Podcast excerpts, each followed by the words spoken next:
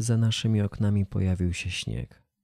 Przykrył ulice i ogrody, tworząc przyjemną atmosferę dla wszystkich marzycieli. Przyszedł zatem czas na spotkanie z Jeremiaszem, chłopcem, który szukał naparstnicy purpurowej, by odnaleźć drogę do domu.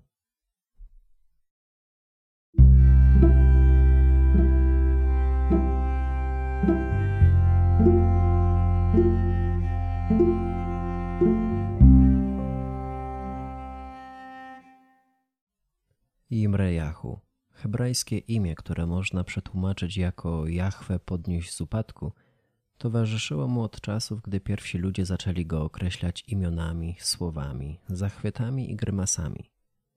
Gdy miał kilka lat, schorowana i przegarbiona babcia, jedyna osoba w tej rodzinie, której jedzenie naprawdę smakowało dobrocią i której śmierci nie mógł przeboleć, podarowała mu księgę wielkich imion. Godzinami przeswajał informacje o proroku Jeremiaszu. Czytał o przymiotach charakteryzujących mężczyzn noszących jego imię, o przychylnych mu znakach zodiaku, cyfrach szczęśliwych i zawodach umożliwiających eksplozję wszystkich jego talentów. Jednak z biegiem lat coraz mniej ufał treści wypełniającej przestrzeń między okładkami babcinej księgi. Wraz z zacierającym się obrazem staruszki zanikała też jego pamięć o własnych narodzinach. Nie było nikogo, kto mógłby mu o nich przypominać. Rodzice byli, ale jakby żyli gdzieś obok. Rodzeństwo, dwoje braci i trzy siostry, zdawało się nie zauważać Jeremiasza, chyba że szukali żywego obiektu drwin i szyderstw. Żył jeszcze dziadek, ale akurat po nim nie można było oczekiwać zbyt wiele, bo gdy w dniu pogrzebu swojej żony położył się na jej mogile, tak leżał na niej do dziś. Przykrywały go brązowe jesienne liście, otulała śnieżna pierzyna, a im więcej czasu upływało, tym piękniejsze wyrastały z niego przebiśniegi wczesną wiosną. Dlatego jemu należało dać spokój i nie można było oczekiwać, że będzie czcił dzień narodzin wnuka. Rodzinna niepamięć powodowała, że Jeremiasz sam wątpił w to, że pewnego dnia zjawił się na tym świecie, więc zaczął częściej śnić. Śnił nie tylko w nocy, ale i z samego rana przy śniadaniu.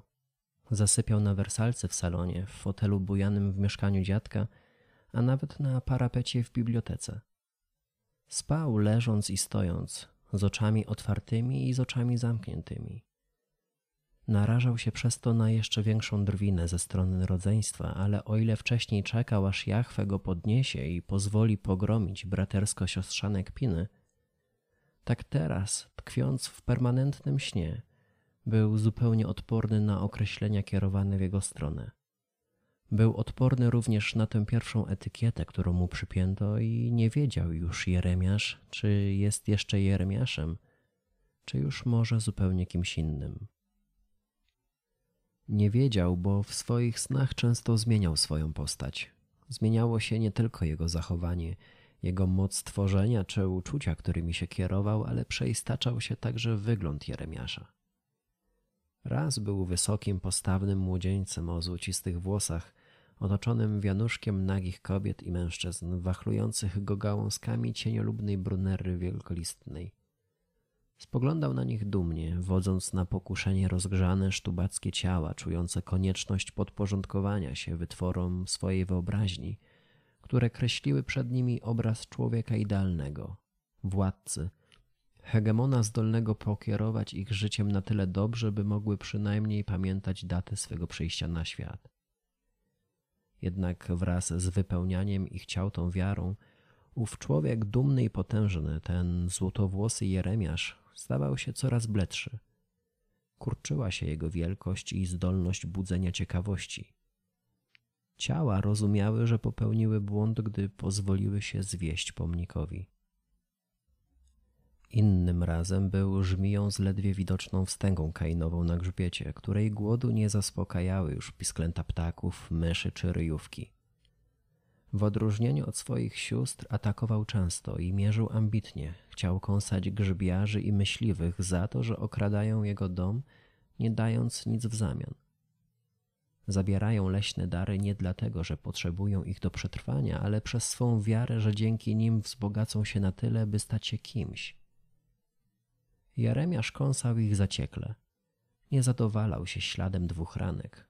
Oplatał ręce ofiary, jakby chciał pokazać jej, że spotyka ją kara za swe nieumiarkowanie i spoglądał w oczy umierającego intruza, którego oddech stawał się coraz szybszy, a wzrok rozbiegany jak urodziwie ubrani panowie na wszystkich giełdach świata i Jeremiasz kąsał jeszcze raz. I jeszcze raz. I kąsał, dopóki intrus nie wydał z siebie ostatniego tchnienia, które można uznać za próbę przeprosin – lub kwit uprawniający do stawienia się przed sądem aniołów, przodków i wszystkich świętych żyjących w niebie. Jednak najwięcej przyjemności odczuwał podczas snu, który śnił całymi tygodniami. Usilnie starał się z niego nie wydostać, bo świat za ścianami tej iluzji nie był tak pociągający. W świecie swoich rodziców, rodzeństwa i wszystkich ludzi wokół był opisywany jako jeden z wielu. Czasami stawał się narodem, grupą, ale również jedną z wielu. Musiał wykazywać swą odrębność, bo te zbiorowości nie potrafiły wzrastać bez poczucia odmienności wspieranej prostym wyobrażeniem swojego fenomenu. Czy to jako jednostka jedna z wielu, czy rodzina jedna z wielu, czy naród jeden z wielu, bez końca budował tożsamość w oparciu o różnice wymierzające mu ramy. I być może nauczyłby się tak żyć, wszak nie on jeden ostatecznie ulegał i oddawał pokłon odwiecznym trybom, ale targał nim nieokiełznany Reisefiber. Jeden nieuważny krok, niezależnie przez kogo wykonany, mógł rozpętać konflikt pędzący szalenie przez miasta, domy i pragnienia. Chwila roztargnienia, zjawienie się w złym miejscu o złej porze, a zmiany mogły objąć najmniej na to gotowe obszary jego życia – Dlatego utrzymywał stan swego uśpienia, by jak najdłużej chodzić po krainie, którą sobie wyśnił, w której zawarł pragnienia całej masy marzycieli, tych idących pod prąd, niezależnie od określeń rzucanych w ich kierunku przez pozostałych. Oni mieli odwagę wyobrażać sobie inne życie, a on miał zdolność wyśnienia tego życia dla nich wszystkich. Miało ono swój początek w narodzinach naparstnicy purpurowej, daru Matki Ziemi dla marzycieli, którzy chcąc dołączyć do domu, musieli wypić wywar z tej rośliny, by ich serce zaczęło bić jednym rytmem dla wszystkich. W domu nie można było mieć swojego odrębnego serca, bo to się nie sprawdziło. Już był taki świat, po którym chodzili ludzie z różnymi sercami, ale nie byli zdolni do współistnienia – bo zawsze jakieś serce biło szybciej i chciało dominować nad pozostałymi. Świat taki nie miał przyszłości, ale tylko marzyciele o tym wiedzieli, dlatego próbowali się ratować.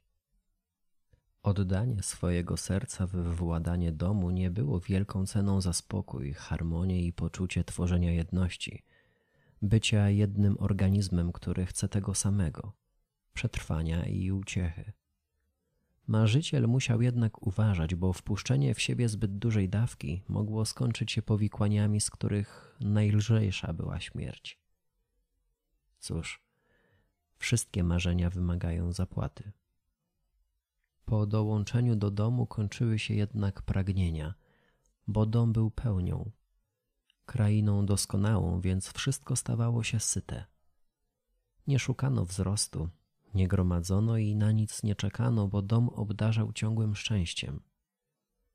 Jedno bicie serca, miarowe, spokojne i trwałe, niezależnie od tego, czy dom jadł, spał, kochał się, czy tańczył pod słońcem, wydając siebie frenezyjne okrzyki.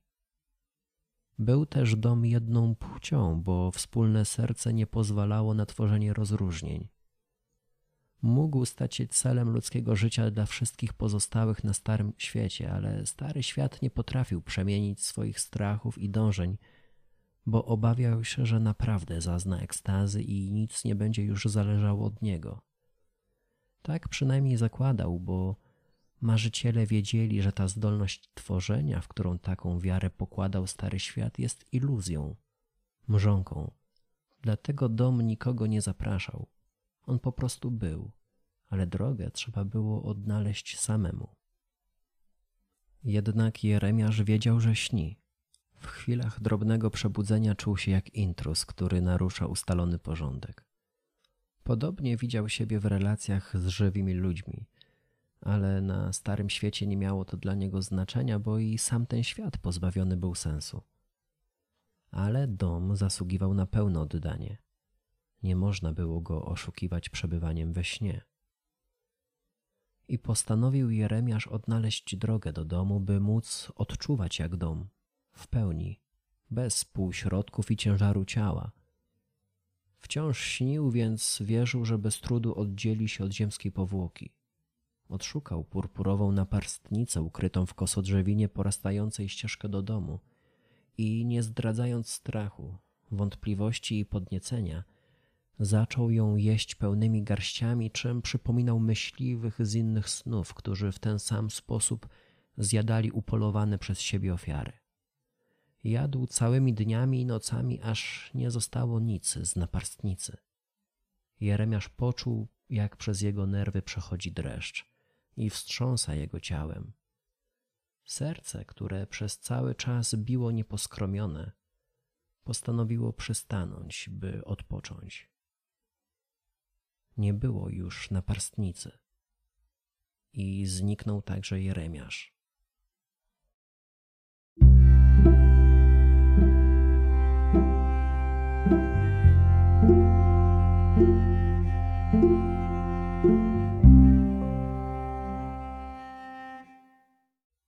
Jeremiasz pewnie gdzieś wokół nas dalej jest, choć nie wiemy w jakiej postaci. Uczy nas jednak, by nie oddawać marzeń, więc trzymajmy je mocno przy sobie. Do usłyszenia w następną niedzielę.